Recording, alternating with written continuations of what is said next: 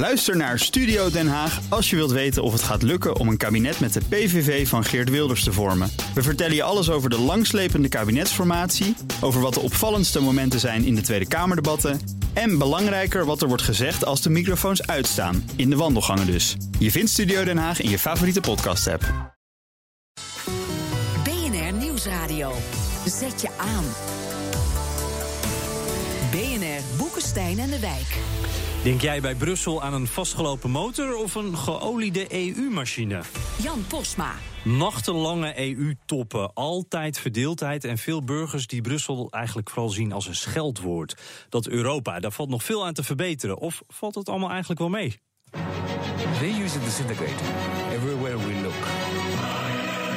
als wij niet veel verder gaan met de integratie, gaat die euro mislukken. The whole process of trying to drive Europe together by force or by bureaucracy makes a problem. Nur durch Vertrauen werden wir wieder zu einer stabilen Sicherheitsordnung in Europa kommen. Dat is het hele probleem met de euro. Die integratie willen de mensen niet. Keep insisting that the EU is about economics is like saying that the Italian mafia is interested in laat het maar aan eh, Boris Johnson over om een link te leggen tussen de EU en de maffia. Welkom bij Boekenstein en de Wijk, het programma over Nederland in Europa en Europa in de wereld. Bij mij in de studio natuurlijk, hij heeft niets met de maffia, toch Rob de Wijk? Ik dacht het niet. Nee, hij heeft niets met olijfolie. Wel met de maffia. Arend Jan Boekenstein. en te gast, zij kent Brussel als haar broekzak. Anke Truijen, Europa-verslaggever, welkom. Dankjewel. Goed dat je er bent. De stelling, de EU kan niet beter. Ik wil eerst horen eens of oneens. Daarna krijgen jullie alle drie 30 seconden om jullie punt te maken. Laten we beginnen met Arend Jan. Oneens, EU kan beter. Het grote probleem met de EU is dat het geen Europese regering is. Dat kan ook niet. En daardoor is het parlement altijd op zoek naar een regering. Hè. Dat is altijd een probleem.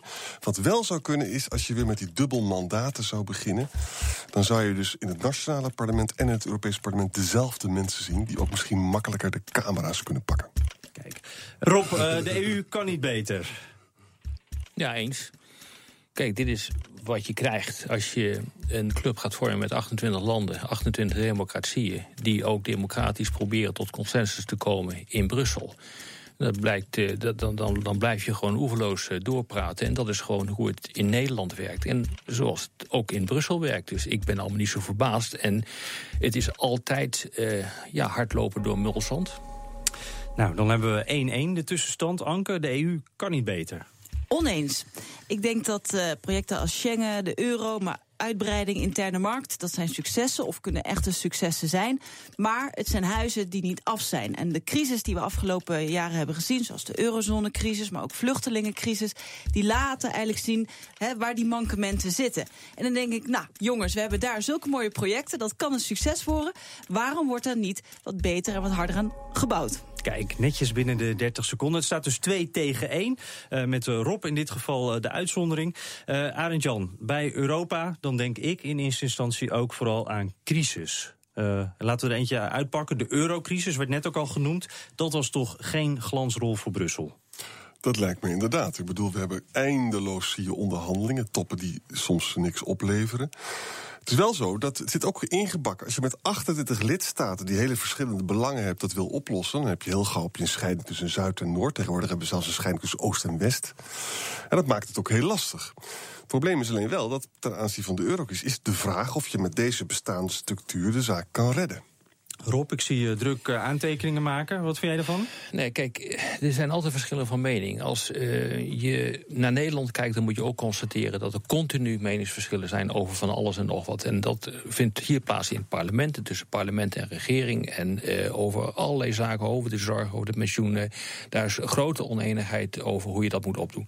Dus de discussie vindt hier plaats tussen partijen en in Brussel tussen landen. Maar eigenlijk is het gewoon hetzelfde proces. En ik ben natuurlijk mee eens dat je op een aantal punten gewoon het project af moet, uh, moet maken. Maar dat zal een heel langzaam en heel moeizaam proces uh, worden. Omdat net zoals in het Nederlandse parlement er ook op Europees niveau tussen landen verschillen van meningen zijn waar de belangen van landen in tot uitdrukking eh, komen. De grote, Hmm. grote verschillen over hoe je de economie aan de praat moet krijgen in het zuiden en in het noorden van de Europese Unie. Dus eh, ik bedoel, ik ben niet zo verbaasd. Iedereen wordt er tamelijk hysterisch altijd van eh, als het, dit soort dingen gebeurt. Maar ja, dan denk ik, ja, weet je, zo is, het is zoals het gaat. Nee, maar mijn punt is meer van dat je nu tijdens de crisis ziet dat er dan pas beweging in komt. En dat snap ik ook wel, want je, het is heel lastig om iedereen dezelfde kant op te krijgen. Maar daarmee wek je wel misschien ook naar het publiek toe dat bepaalde beslissingen een beetje door de strot worden Ja, geduwd. dat Omdat allemaal snel, snel, snel. Dat is hier ook zo. Wij zagen tien jaar geleden al eh, dat het eh, pensioenstelsel onhoudbaar eh, werd. En nu begint iedereen zenuwachtig te worden, omdat nu duidelijk wordt dat het pensioenstelsel inderdaad eh, onhoudbaar is. De politiek werkt nu eenmaal dat je van crisis naar crisis gaat. De wal keert het schip. Dat is hoe de politiek eh, werkt. Nou, op het moment, en dat is ook heel verklaarbaar, dat je gaat anticiperen. En politici zeggen altijd: we moeten anticiperen. Ja, dat doen ze helemaal niet. Want als je gaat anticiperen, dan creëer je een nieuw probleem. En je laat het probleem liever even liggen. Want er zijn zoveel problemen die je eerst moet oplossen. Dat is gewoon hoe het politicologisch werkt in Brussel en in Den Haag. Maar Rob, dan is een vraag, een vraag aan jou. Weet je, als je naar Den Haag kijkt, dan heb je nog verschillende politieke stromingen. Hè, die ook nog ideologieën hebben. Je ziet dus liberalen, sociaaldemocraten, je hebt nog andere partijen ook. In het Europees Parlement is het eigenlijk zo dat niemand de stromingen herkent. Hè. Je kent wel dus een aantal pundits, een aantal mensen zoals Nigel Farage en anderen. Maar dat je nou zegt van, nou dat is een liberaal, die herken ik. Of dat is een christendemocraat. dat is- Dat is dus niet zo. Daar gaat dus bij de politieke contestatie, die altijd interessant is, daar gaat iets mis. Of zie ik dat fout, Anker? Nou ja, het- ik denk dat het probleem is van het Europese parlement. Ze hebben geen recht op initiatief. Hè. Ze kunnen Ja. zelf geen wetten maken. Eh, dat, het, eh, de Europese Commissie doet dat. Ze kunnen wel wat aandragen. We willen daar en daar een wet over. Maar dat is heel lastig. En ze hebben ook geen eigen budget. Dus dat beperkt natuurlijk de macht eh, van het Europees parlement. Maar ze hebben in de afgelopen jaren, ook na, naar aanleiding van het verdrag van Lissabon, wel meer zeggenschap gekregen. En wat je nu ziet, en dat is ook wel interessant, je ziet dat het Europees Parlement zich af en toe hè, echt stevig maakt voor zaak. Kijk nu naar het afschaffen van de visumplicht. Ze zetten echt met z'n allen de hak in Ja. stand. Maar je ziet ook dat ze dat doen om hun eigen bestaansrecht nog eens een keer eh, Ja. te benadrukken. Nee, maar dat is natuurlijk allemaal waar. Hè? Dat eh, met het verdrag van Lissabon een aantal jaar geleden is inderdaad de macht van het Europese parlement enorm toegenomen. Echt enorm. En dan zeg je van, ja, maar ze hebben geen initiatiefrecht. A, denk ik dat gewoon de gemiddelde Nederlander helemaal niet weet wat initiatiefrecht is. En B, daar ligt hij ook niet wakker van. Het enige wat hij van Brussel wil, is dat hij levert op een aantal punten. Op het gebied van welvaart en op het gebied van veiligheid. Precies op die twee punten levert op dit ogenblik Brussel niet. Maar dat komt ook door de nationale regeringen, want die leveren ook niet. Maar Rob, dat- eh, we, we hebben het eh, ook vaak over transparantie. Hè? Brussel moet transparanter zijn. Daarvoor moet je het toch eerst kunnen begrijpen? Ja, maar hoor eens, eh, kijk, dat hele woord transparantie is volgens mij totaal misbruikt. Want als je transparant wilt zijn en je eist transparantie, dan eis je ook van jezelf dat je er heel diep in verdiept. En goed probeert te doorgronden wat er aan de hand is. Maar dat wil men niet. Men wil transparantie, maar eh, dat is eigenlijk een soort transparantie van eh, je moet mij maar vertellen hoe het is en het beste verhaal pak ik. En daar zit echt een groot probleem in. Eh, Euro- Europa kan bijna niet transparant. Eh, en de besluitvorming in de ministerraad in Nederland kan niet transparant. Die zit namelijk in de treffenzaal. Daar wordt dat gedaan. Dus dat, dat kan helemaal niet. Arend Jan, man van transparantie. Heeft Roppie gelijk? Nou ja, kijk, het is dus absoluut waar dat in een, in een ministerraad kan geen besluiten nemen als, dat je, als je daar camera's op zet. Dan moet gewoon eh, ook in Israël compromissen. wel. Dus dat, Ja. dat is een toneelstuk voor. van je welstuk. Ja, Dat is, dat, dan gaan mensen dus niet meer zeggen wat ze denken. Mhm. Maar even terug, ik zit me af te vragen, hoe komt het nou dat het Europese parlement... eh, weet je, een van de dingen die ik zit, denk, zit te denken nu is dit. In Nederland is het zo, als Wilders weer wat wild zegt of zo... Omdat hij eh, virtueel 40 zetels heeft... dan komt dat heel snel naar mede tot ons toe. Hè. In het Europees parlement is het zo dat de, je hebt veel meer populisten daar nu... maar door de manier waarop we stemmen... zijn de populisten percentueel veel kleiner dan in Frankrijk of in Nederland... en straks ook in Duitsland. Klopt dat, Anke? En dat betekent dus ook dat je ook via die route omdat er dus gewoon minder populistische kracht is in het parlement... en ook echt een minderheid is... mis je ook een manier om het bij... Maar eh, waar, gaan we nu naartoe? Je zegt het populisme is eigenlijk minder krachtig in het Europees Nou, parlement... dan dat het cijfermatig zou moeten zijn. Ja, en dat komt door het systeem dat het Europees parlement gekozen wordt. Ja, en ook omdat je daar nu de grote meerderheid hebt van de christendemocraten Ja, en eh die altijd sociaaldemocraten. die samen optrekken. Ja. En daar zit de macht, hè? Zijn ja, die hebben een meerderheid, dus Ja. die kunnen ook het eh, beleid van de Raad. Of uh, zo Ja. nu met de crisis. Er wordt er ook wel een beetje gekschinsgegeven van... nou, het Europees Parlement begint eerst te bijten en te schreeuwen... en dan uiteindelijk draaien ze toch weer bij... Ja. om bijvoorbeeld het vluchtelingenplan met Turkije eh, staande te houden. Ehm, maar ik denk dat er ook wel een paradox, paradox in zit. Ik denk dat misschien juist Nigel Farage...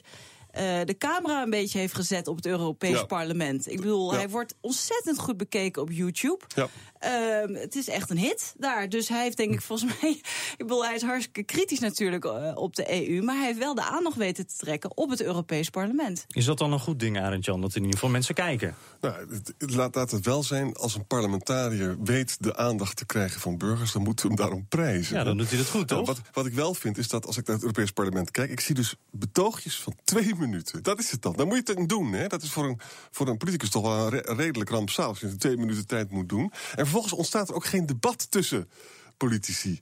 Ik snap dat eigenlijk niet zo goed. Nou, Anke, jij loopt regelmatig in Brussel rond natuurlijk. Dat zou de entertainmentwaarde natuurlijk wel wat vergroten. Ja, nou, ik weet niet of jullie het debat hebben gezien... toen eh, de Griekse premier Tsipras in het parlement was. Dat was echt leuk. Dat was echt Ja. vuurwerk. Dat ging heel leuk. Maar ehm, je hebt inderdaad niet die debat, debatten die je hier ziet in de Tweede Kamer. Dat komt volgens mij gewoon weg omdat er 751 parlementsleden zijn. En dat je dat gewoon niet Maar, redt. maar, maar ik wil helemaal geen entertainment in het Europese parlement. Ik wil gewoon dat er op een degelijk, deugdelijke manier eh, besluitvorming wordt eh, gepleegd. Je wil En resultaten. op een, ik wil resultaten zien. maar ik wil wel debat.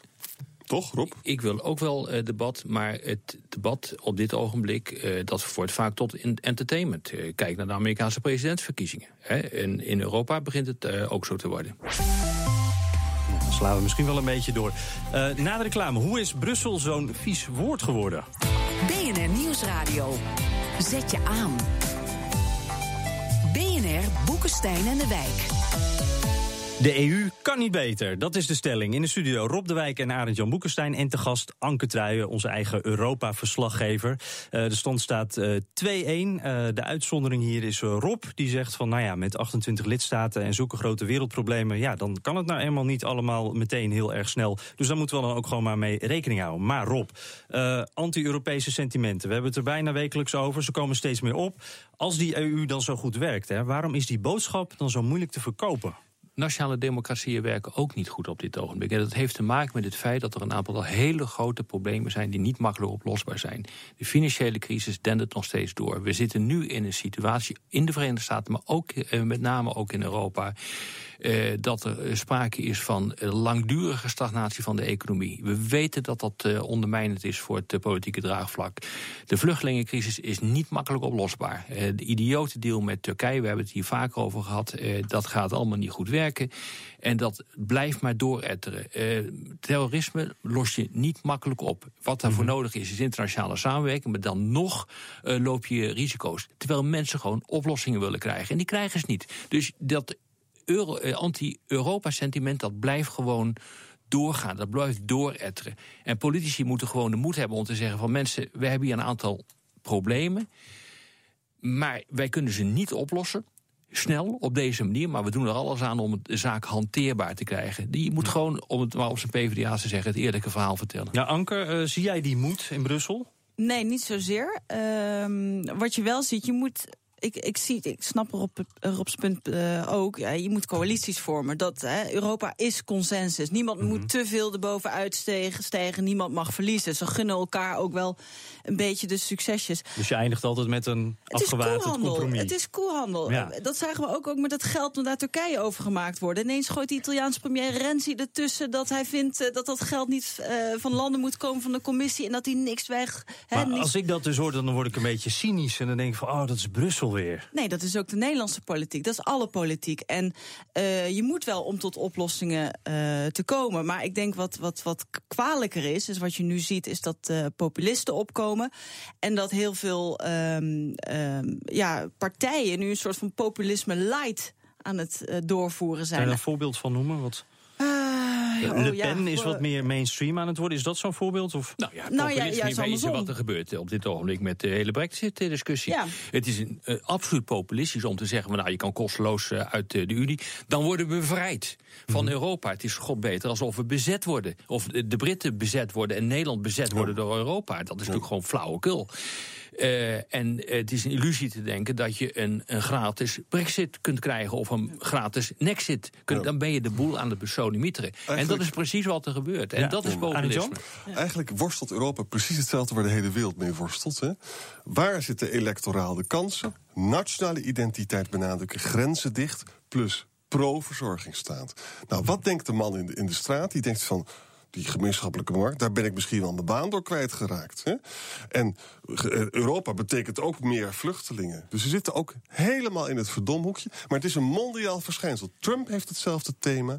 Marine Le Pen heeft het thema. De AFD heeft het thema. Ja, je ziet gewoon dat, dat de lichtere, de light versie zoals ik het noem, dat werkt gewoon niet. Dat zag je bijvoorbeeld in Slowakije. Ik heb nu een voorbeeld. Ah, kijk. Uh, daar proberen ze. Daar ging Fico heel erg uh, die rechtse hoek in. En wat gebeurde er? Hij gaf een enorme boost aan de rechtsradicale partij. Ja. Weet je, als mensen echt uh, dat radicalisme willen, of dat populisme... Er wordt iets aangewakkerd, maar dat gaat dan nog verder naar rechts, wordt dat dan... Dan gaan ze wel naar de echte en niet naar de light. En bovendien, wat heel belangrijk is, die gemeenschappelijke markt is een enorme motor van groei. Het is onbegrijpelijk dat dat niet verdedigd wordt. Als je hm. kijkt, kijkt naar onze economische geschiedenis, het is een godsend, die gemeenschappelijke markt. Weet je hoe moeilijk het was in het interbellum? We hadden het allemaal niet. Maar Arend Jan, uh, want dat is dan een heel positief punt, voor, dat spreekt voor Europa. Waarom horen we dat dan zo weinig? Ja, kennelijk is het. Mensen vinden dat saaie, gemeenschappelijke markt leidt tot groei, dat begrijpen ja, dat ze niet. niet heel sexy, hè? Maar, maar het, is, het is toch gewoon zo. Je kan je toch voorstellen dat je schaalvoordelen hebt op een grotere hm. markt. Amerika heeft 200 miljoen consumenten, wij hebben er 500 miljoen. Als je hier een product maakt dat je door, op de heel Europa kan verkopen, dan heb je schaal. Daar worden we allemaal rijker van. Ja, en politici die doen de verkeerde dingen. Als uh, onze premier roept uh, van er gaat geen geld meer naar Griekenland, terwijl die zeker weet dat dat een onhoudbare stelling is. En dat doet hij alleen maar om de verkiezingen uh, te winnen. gesproken. Over populisme gesproken, uh, dan schaadt je daarmee de Europese Unie op een geweldige manier. Want je moet bakzeil halen en wat er vervolgens gebeurt, wat die uh, politici doen, is zeggen van ja, maar dat komt niet door mij, dat komt door Europa. Mm -hmm. Als je dat doet, en als je dus niet bereid bent om dit te verdedigen, en bijvoorbeeld dus begint om te zeggen van dat hebben wij zo besloten in Brussel, hm. en niet dat moet van Brussel. Dat is echt heel erg belangrijk. Ah, ah, dan zal het nooit wat worden. Dan ligt dus dat wantrouwen uh, tegen Brussel... Dat, dat ligt ook gedeeltelijk in Den Haag, in Parijs, in Berlijn. Nou, Rob noemt een heel belangrijk punt. Als je dus in de Europese Raad zit... dan is het besluit dat daaruit volgt... dat is ook het bezit van nationale regeringen... die daar aan tafel zitten. Ook als je wordt overstemd. Want in die hoedanigheid zijn ze eventjes wel een Europees lichaam. Hè? Mhm. Dat gebeurt er niet, want je, gaat, je wordt overstemd. Je gaat naar huis, ja, het ligt aan Hully. Wij hebben anders gestemd. Ja, het aan Brussel. En dan gaat dus de hele cohesie natuurlijk weg. Terwijl de grap is, soms word je misschien overstemd, maar het geheel is voor alle lidstaten aantrekkelijker dan geen samenwerking. Okay, nou, niemand zegt dat. Nee, nou laten we ook eens wat breder dan kijken. Wat Brussel of Europa dan zou uh, kunnen doen om, om de hearts en minds van de Europese burger te veroveren. Uh, Anke, we zien bijvoorbeeld ook een initiatief als Politico. Mm -hmm. uh, dat Brussels nieuws sexy probeert te maken. Hè? Ja. Heeft, zie jij daar ook gevolgen van? Uh, ze zijn nu geloof ik een jaar bezig. Uh, ik ben een groot fan van Playbook. Dat krijg je elke ochtend. Een e-mailbrief. ja, een soort van nieuwsbrief. S ochtends rond 7 uur. En dat gaat, daar staan analyses in. Maar ook waar je de beste café latte in Brussel kan vinden. Dus het is een beetje op een campy manier wordt het geschreven. En dat Playbook doet het echt heel erg goed. Dat, daar begin je je Brusselse ochtend mee. Het is zelfs zo succesvol. Ze hebben meer dan 50.000 abonnees op dit moment. Maar ook de FT heeft dat voorbeeld overgenomen. En is nu mhm. ook met een uh, Brussels briefing uh, begonnen. Ik geloof dat uh, de scoops nog wat uitblijven. Maar ze hebben hun team weer vergroot. En het is ja, ook een manier om wat luchtiger, wat sexier ehm, Brussel te brengen. Maar ook niet het politieke context uit het oog te verliezen. Rob, wat je bijvoorbeeld in Washington zit, waar Politico uiteindelijk begonnen is. Daar bepalen zij echt de nieuwsbeat van de dag. Zij bepalen de verhalen. Um, dat zou Europa ook veel dichter bij de mensen kunnen brengen. Zou dit kunnen helpen? Of is het echt voor de insider? Ik denk dat het voor de insider is. Ik vind het een fantastisch initiatief. Ik vind het prachtig wat daar uh, gebeurt. Maar ik vrees dat uh, de gemiddelde Nederlander niet naar kijkt... en er ook nooit naar zal kijken. En dat zijn wel de mensen die anti-Europees zijn. Dus nee, als je echt, als je wat wil in Europa... moet je gaan leveren. En dat, uh, het, het, de relatie tussen kiezer en gekozen is gebaseerd op twee zaken. Dat is veiligheid en welvaart. Die staan allebei onder druk op dit ogenblik. Als je daar niks aan kunt doen, nationaal samenwerkend in Brussel, dan blijf je dit gesodemieter houden. Arend Jan? Dat betekent dus, ik ben heel erg betrokken. Dat betekent dus concreet, laat zien dat je een Europees antwoord vindt op die vluchtelingenstroom. Mhm. Iedereen, het moet toch uit te leggen zijn dat het, dat, dat, een, Euro, dat het een grensoverschrijdend probleem par excellence is. Laten we dan Moeten even teruggaan naar waar jij mee bego- begon. Hè? Dat dubbel mandaat misschien terugbrengen. Dat dan een, een Kamerlid ook EP'er kan zijn tegelijkertijd. Wordt een zware baan. Maar dat zou misschien wel dit soort verhalen dichter Nou bij ja, ons kunnen brengen. Kijk, het is, het is maar een idee. Hè? Maar wat, wat- nu hebben we dus van die beroemde avonddebatten met de minister... voordat hij naar Europa afreist. Daar kijkt overigens, dat zegt erop gelijk... daar kijkt ook geen hond naar hoor, in, in Nederland. Maar goed, dat Maar kun je dan doen. En als dan dezelfde mensen die daar dus zeggen... van je moet dit zeggen, ook in het Europese parlement zitten... daar dus ook de camera's kunnen pakken...